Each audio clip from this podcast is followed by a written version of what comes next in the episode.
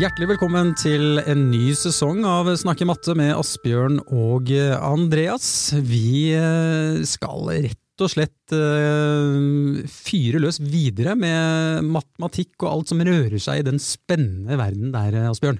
Det blir så gøy. Jeg gleder meg skikkelig til å komme i gang og få lagd eh, nye episoder om spennende matematiske temaer. Mm. Og i dag så Vi tenker at vi skal rett og slett se på oppstarten av skoleåret. Ja. Uh, og, og, hva som liksom Prøve å liksom lage en slags grunnmur eller et fundament her, har jeg inntrykk av. Ikke sant? Eh, når vi skal komme i gang med matematikkundervisningen, da, hvordan, hvordan, er det lurt å starte et skoleår når vi tenker liksom matematikkundervisningen? Hva bør vi gjøre i starten? Hva bør vi vektlegge? Hva bør vi prøve å få til uh, å få inn i elevene liksom, forståelse for hvordan vi ønsker å drive matematikkundervisningen? Og Vi skal rett og slett snakke om ja, hvordan vi kan gjøre det. Mm. Og etter hvert så skal vi også inn på eh, mer spesifikt inn på temaer. Eh, neste uke så starter vi en brøkmaraton. Oh yes, Da blir det vel eh, seks episoder eh, som handler om eh, brøkopplæring. Da rettet mot, eh, mot femte trinn primært, og der elevene for fullt starter med brøk etter ny, ny læreplan. Mm. Og vi skal gå virkelig i dybden på eh, brøkbegrepet og hvordan vi kan jobbe med det i klasserommet. og det det blir moro. Mm. Og da, Det er jo fint da å, å lage denne lille grunnmuren da, som vi skal, skal, gjøre i dag. og eh, Hvorfor tenker du Asbjørn, at det er viktig å etablere normer for hvordan man vil ha det i klasserommet? Altså, Man skal jo ha ganske mange timer i løpet av et år, da. Eh, og da bør man jo ha noen felles kjøreregler for hvordan man vil de timene skal fungere. Hvis man eh, skal lykkes med å uh, få til utforsking i klasserommet, så må man prate med elevene om hva det egentlig vil si. Hvordan vi må oppføre oss mot hverandre, hvordan vi må, hvordan vi må være i klasserommet. Og skal man lykkes med å få til snakke matte, da, som vi driver med nå, uh, og få til den matematiske samtalen i klasserommet, Eh, så må man jo ha noen felles kjøreregler for hva, hva innebærer det når vi driver med snakke matte. Hvordan, hvordan, gjør vi det? Hvordan tenker vi rundt det? Hvordan får vi elevene med på det? Og ikke minst, hvordan eh, jobber vi for å få elevene eh, bort fra forståelsen om at eh, matematikk handler om å komme fram til riktig svar, og over til å få de med på at det handler om eh, samarbeid, utforsking, problemløsning, eh, resonnering. Veien fram til svaret er det som er viktig. Mm. Og det, Dette er jo et sentralt begrep, av dette med utforsking. og Vi har jo eh, hatt en del episoder eh, om utforsking spesifikt. og vi har svart, svart, på spørsmål fra lytterne om hva utforskende matematikk er. Men kan ikke du bare liksom repetere litt hva du legger i dette begrepet med utforsking? Kortversjonen i en matematisk sammenheng er jo at eh, i stedet for at læreren står og presenterer noe eh, og forklarer hvordan ting henger sammen, så skal elevene selv oppdage matematiske sammenhenger. Det er liksom det helt overordnede, og så kan man utforske på mange ulike måter. Man kan gjøre det ved å prøve seg fram, lete etter mønster, eh, fargelegge. Man kan jobbe på vertikale tavler i klasserommet, man kan jobbe digitalt og interaktivt. Eh, man kan utforske med konkreter, eh, og man kan utforske med rett og slett eh, tallmønster og geometriske mønster. og Det finnes en haug med måter man kan utforske på. Men kjernen i alt sammen er at elevene selv skal oppdage en eller annen matematisk sammenheng som de ikke bare får presentert. Mm. Uh, du har jo skrevet uh, læreverket Matemagisk mm. fra, fra Aschehoug. Og uh, i, i, læreverket ditt Asbjørn, så starter jo bøkene på femte til syvende trinn med et slags kapittel null hvor det først står en plakat med hva vi gjør i vårt matemagiske klasserom. Um, hva kan du si om denne plakaten? Eh, generelt så kan vi jo si om det vi kaller kapittel null, vårt matemagiske klasserom, mm. at det nettopp er et introduksjonskapittel som skal eh, bidra til å liksom sette standarden for hvordan vi skal ha det i eh, mattetimene. Her er det ikke et matematisk kunnskapsområde som ligger til grunn, men vi jobber bare med de fem første kjerneelementene, som jo er prosessorienterte, handler om veien fram til løsningen. Og vi legger spesielt vekt på her å trene på eh, utforsking, trene på eh, resonnering, argumentasjon og kommunikasjon. Ikke sant? Eh, og vi skal etablere noen normer da, som vi skal komme inn på på denne plakaten du refererer til, for hvordan vi ønsker å ha det i vårt matemagiske eh, klasserom. Og Vi kan jo kanskje starte med å ta disse punktene på denne plakaten. da. Mm. Ja, for det er jo, Du har jo snakket om utforsking og det at vi utforsker eh, sammen. Og så kommer det jo det med at vi stiller spørsmål og lytter til hverandre. Og så skal vi forklare hvordan vi tenker, og så vi lærer av våre feil. Eller vi lærer av å gjøre feil, mm. rett og slett. Eh, men, eh, men, det liksom å stille spørsmål og lytte til hverandre, jeg syns det punktet er ganske interessant. For hvor, um, hvordan setter vi liksom elevene i stand til å stille de spørsmålene og samtidig lytte? Er det, er det, er det, for, det er jo mye for langt, egentlig? Ja, det er jo ganske krevende, kan man si. Det er jo noe helt annet enn bare å sitte og gjøre en oppgave på egen hånd. Og Hvis vi deler det litt opp, da, ta det med å stille spørsmål først. Eh, for det første, Hvorfor er det så viktig? Jo, Hvis vi skal utforske noe og finne ut av noe, så må vi jo eh, stille et spørsmål for å kunne si noe om hva, hva er det vi skal finne ut av. Vi må komme med noen hypoteser, vi må trene på det. Og Det å stille spørsmål i matematikktimene det er utrolig viktig hvis man skal lære noe nytt. Hvis man skal komme fram til ny erkjennelse. Eh, og det kan det være sånn. Hvordan kan det henge sammen? Hvis jeg gjør det på denne måten, blir det da sånn som jeg tror det blir? ikke sant? Masse spørsmål man kan stille. Og det må vi etterspørre som lærer. Ikke sant? Hvilke spørsmål kan vi stille nå? Mm. Hva kan vi lure på nå? Det er fine spørsmål å stille til elevene. Ja. Ikke sant? Og det må vi gjøre aktivt. Uh, og dette gjelder da både i, uh, i, plenum, når vi jobber sammen som klasse som helhet. Ikke sant? Hva, hva kan vi lure på nå? Hva er de spørsmålene vi kan finne ut av her? Det gjelder når elevene jobber sammen i grupper, at de stiller spørsmål til hverandre for å utfordre hverandres tenkning. Nja, er du egentlig helt sikker på at dette eh, øker med fem for hver gang? Hva hvis vi ser på denne figuren, blir det sånn da? Eh, ikke sant? At de stiller konkrete spørsmål til hverandre i grupper. Mm. Men det er jo også at elevene stiller spørsmål til lærer når de lurer på noe. ikke sant? Mm. Hvordan, hvordan, kan dette henge sammen? Kan det være sånn? Mm. Og da trenger vi alltid som lærer å gi et fasitsvar på det, men vi kan kanskje stille et spørsmål tilbake som hjelper og leder elevene videre. Mm. Syns det er så interessant her at det liksom er snudd litt eh, på hodet. Altså man, man, legger jo på en måte ansvaret litt over på elevene. Hva kan vi lure på her? Mm. Altså Det er ikke noe sånn at uh, du, det, er, det er jo ikke du som stiller spørsmålet til elevene hvor de skal komme fram til et svar. Det er de som skal uh, finne ut hva de kan lure på. og kanskje ser jo for meg at uh, i et ideelt klasserom da, så, så, jo, så, har du de som stiller et spørsmål som de selvfølgelig vet kanskje svaret på, men så utfordrer de de andre elevene uh, på det. da. Mm. Ja. Mm. Og så eh, er den andre delen av dette å lytte til hverandre, da. Ehm, for å lykkes med det så må man jo rett og slett trene på å lytte. Og vi har jo snakket om samtaletrekk tidligere, som er liksom praktiske verktøy læreren kan bruke for å lykkes mm. på å få til matematiske samtaler i klasserommet. Og et av de trekkene er jo å be en elev gjenta det en annen elev har sagt. Ja. Og ved at man gjør det, og at det er noe man gjør jevnlig i matematikkundervisningen, så skapes det jo en forventning hos elevene om at ah, jeg må følge med så jeg kan gjenta det en annen elev har sagt. Og skal du kunne gjenta det en annen elev har sagt, ja, da må du jo lytte til hva de sier. Mm. Så det er en praktisk og konkret måte å få til dette med å lytte til hverandre. Og skal man få til verdifulle og det vi kaller produktive matematiske samtaler, så må vi jo lytte til hverandre. Hvis vi ikke hadde lytta til hverandre i samtalen, så blir den ikke så veldig eh, interessant og utviklende. Mm. Og så er det jo det med å forklare da hvordan vi, vi tenker. Um, det er jo superviktig å, å, få det til. Noen sier bare 'nei, men jeg bare veit svaret', liksom. Hvordan mm. skal vi liksom få de til å liksom bare bruke det punktet her og forklare virkelig hvordan de har tenkt?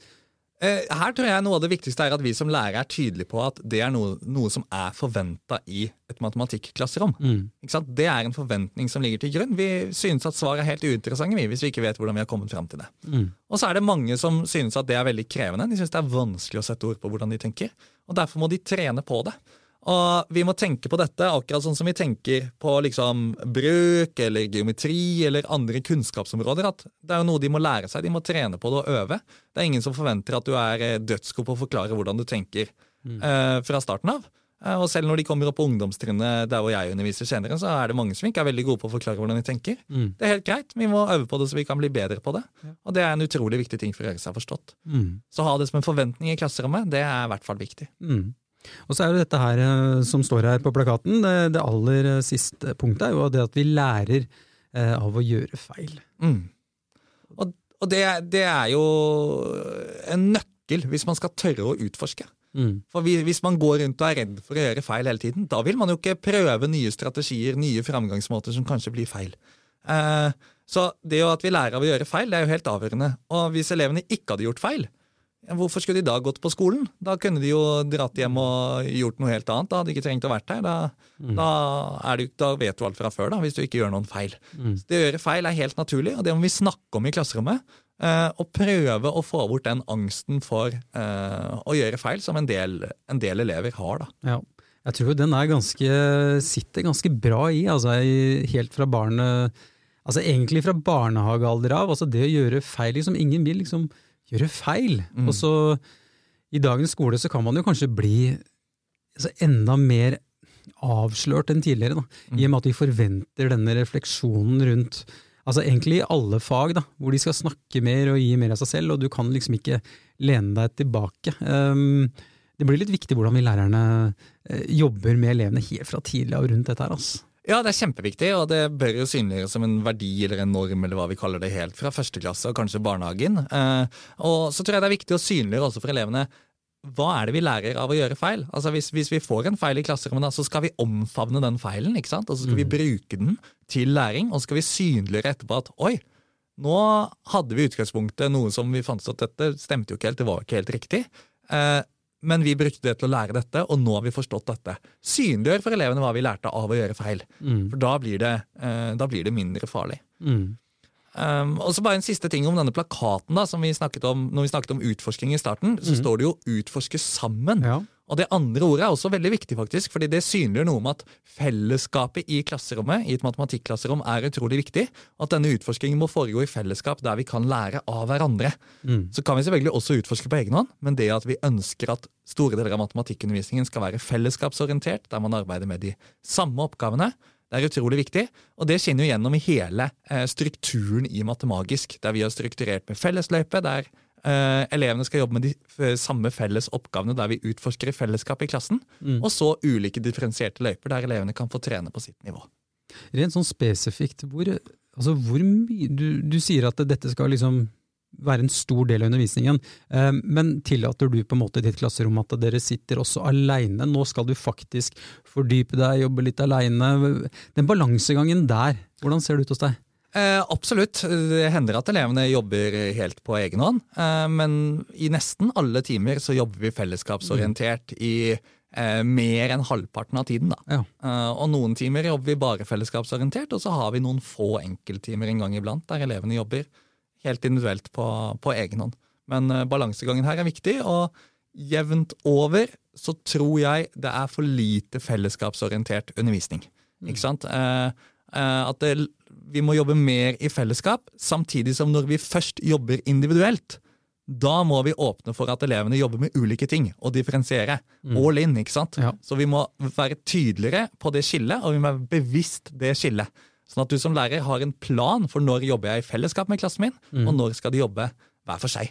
Og akkurat hvor mye det er av hver, det tror jeg er mulig å tilpasse litt uh, ut fra lærerne og de elevene man har. Det er ikke noe fasit her. Mm. Men når de da utforsker sammen, så du sier jo det at de, da jobber de jo på en måte med, med samme oppgaver. Mm. Um, hvis man da har stor forskjell i nivå, da, hvordan, Eh, hva er ditt inntrykk av liksom en hvis vi skal kalle det en svak elev da, eh, mm. mot en sterk elev? Hvordan liksom fungerer det eh, for, for dem begge, egentlig?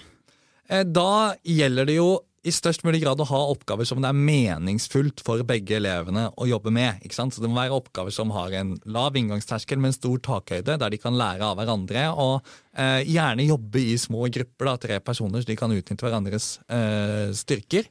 Og så vil det ofte være sånn at Eh, en elev som strever litt, vil kunne finne ut noe på grunnleggende nivå, mens de andre elevene vil kunne dra det et stykke lenger og på en mm. måte kanskje klare å generalisere det i større grad eksempel, enn en av de elevene som kanskje trenger det mer konkret. Da.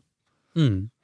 Um, det, og altså Etter denne plakaten da, i Matemagisk-boka, så, så kommer jo da dette kapittel null. Eller eh, plakaten er vel en del av kapittel null, mm. men uh, da er det jo en del kjempefine eh, oppgaver eh, som en slags intro mm. til, eh, til, temaet. Og jeg sa det vel før vi nå begynte å spille inn her, at det, det har slått meg hvor viktig det er å bruke eh, de sidene, mm. før man da går løs liksom, på oppgave 1A og 1B osv. Mm, mm. Og det er, ikke sant, Oppgavene her er jo spesialdesigna for å nettopp fremme disse fire normene vi har snakket om, utforske sammen, uh, lytte til hverandre og stille spørsmål, forklare hvordan vi tenker og lære av å gjøre feil. Altså, det er ikke alle mat matteoppgaver som passer perfekt for det, men disse er spesialdesigna for å bidra og hjelpe deg som lærer med å lykkes med de fire verdiene i klasserommet. Eh, og da er det jo nettopp oppgaver der elever på ulikt nivå vil ha masse glede av å gjøre disse oppgavene i, i, i fellesskap. Og det er mange oppgaver her som er egnet for oss å bruke masse tid. Du kan bruke litt tid, men du kan gjerne bruke liksom 60 minutter på én av snakke matte-oppgavene. Mm. Eh, ikke sant? Og bare eh, jobbe med det over, over lang tid. da. Mm. Så, um, og det er en veldig god nyhet. da. At man kan, Her skal man faktisk bruke veldig god tid. Vil det da si at det grunnlaget som legges da på disse sidene her, er, er, det, er det avgjørende for det som venter senere i kapitlet? Eh, kunnskapsområdemessig så er det ikke avgjørende. Altså, det er ikke sånn at det er noen eh, forkunnskaper matematisk sett du utvikler her som du trenger for å få til brøken seinere, eller for å få til geometrien eller noe sånt på sjette trinn. Men eh, de generelle ferdighetene elevene skal opparbeide seg, argumentasjon, resonnering, kommunikasjon, utforsking, mm. problemløsning, eh, abstraksjon, generalisering, alle kjerneelementene, egentlig, ikke sant? Ja, ja. De får de trent på masse her, og det får de masse glede av seinere. Eh, men det er ikke sånn at hvis du hopper over noen oppgaver eller noe sånt i kapittel 0, at det er krise. Så i kapittel 0 jeg anbefaler å bruke masse tid på det, men eh, det går an å prioritere litt og si at ok, her er det tre snakke matteoppgaver, jeg konsentrerer meg om denne og gjør den skikkelig mye i dybden. Eh, og det kan være helt fint. I alle fall hvis du får en spennende diskusjon. Um, en av de oppgavene som er i femtetrinnsboka, er jo et så på en måte i gåsehudene enkelt spørsmål som hvor mange personer er det mulig å få plass til i klasserommet deres? Ja. Ikke sant? Og, og, jeg husker at på åttende trinn så hadde vi planlagt en gang å diskutere dette spørsmålet og hadde planlagt å bruke sånn ti minutter.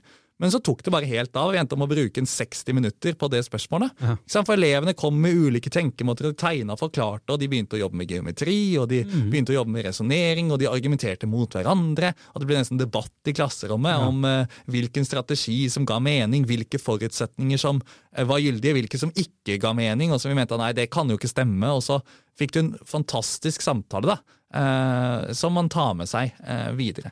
Mm. Og, no, og, det er jo ikke alle skoler som bruker Matemagisk. Det, selv om vi jeg, jeg, personlig ønsker jo selvfølgelig at man skal bruke det flotte læreverket her, som du har skrevet, Asbjørn, men, men for de som ikke har matemagisk, det er ikke noe i veien for å eh, Selv om boka da, fra et annet eh, forlag ikke har den type innledning, eh, vil du anbefale likevel at man finner en eller annen måte å bare liksom stoppe opp litt i starten og introdusere og finne gode oppgaver som nettopp gir rom for denne, det som handler om kjerneelementene? da? Jeg anbefaler helt klart det, og for all del, selv om du ikke bruker matemagisk, så lån de fire punktene våre om hvordan vi vil ha det i klasserommet. hvis ja. du har lyst til det. Eh, gjør det, snakk med elevene om hvordan vi skal ha det. Eh, bruk tid, og etabler den kulturen, den klassekulturen vi ønsker å ha. Eh, og på en måte Målet vårt med vårt matemagiske klasserom er jo å hjelpe læreren til å etablere den klassekulturen vi trenger for å lykkes med matematikkundervisning i tråd med fagfornyelsen. Det er jo liksom hele målet vårt. Eh, og hent inspirasjon, selv om du ikke skal bruke matemagisk, for å få til den klassekulturen. Mer enn gjerne. Mm. Og hvordan får vi da liksom flest mulig elever til å delta? Vi må jo liksom, eh, Som lærer, da, det stiller jo litt krav til oss at vi er liksom litt bevisst på organiseringen her. Mm, helt klart. Uh, og da er uh, Eh, gruppeinndeling, et eh, stort spørsmål. Eh, vi har jo snakket tidligere om Peter Liljedal sin forskning, og han anbefaler jo tilfeldige grupper. Eh, det gjør at elevene må bli vant til å arbeide med mange ulike personer. Eh, og det har jeg eh, brukt med hell i min undervisning, så det kan være et praktisk grep. Det er også å si at man Altså, man, man, man verdsetter alle mulige bidrag i klasserommet, selv om det er et spørsmål. ikke sant? Vi har en verdi som sier at det å stille spørsmål det er viktig i mitt matteklasserom. Mm. Så kan du ha elever som strever og som kanskje ikke helt skjønner de matematiske sammenhengene, men kanskje kan de klare å stille et spørsmål likevel. Hvis de klarer å si noe om hva det er de lurer på, så kan det spørsmålet være det som bidrar til at tre andre personer skjønner noe nytt den timen. Fordi eh, det er ikke alltid så lett som lærer å være inni hodene til elevene, vite hva det er de lurer på. Man kan forutse en del og bør trene på det, men det med at elevene stiller spørsmål, er veldig viktig, og det kan man kanskje få til selv om man ikke skjønner måte, løsningen på oppgaven. da. Så kan man kanskje klare å stille et spørsmål, og det må vi verdsette. Utrolig viktig. Mm. Ok, vi har eh, etablert normer. For hvordan vi vil ha det i klasserommet. Hva tenker du nå, hvis vi skal prøve å korte dette ned til liksom det viktigste det, rundt dette her, når vi skal gi oss i kast med, uh, med dette her nå? Uh. Da kjører vi Bruk tid på starten av skoleåret, og så har vi våre fire punkter, som er utforske sammen, stille spørsmål og lytte til hverandre, forklare hvordan vi tenker, og lære av å gjøre feil.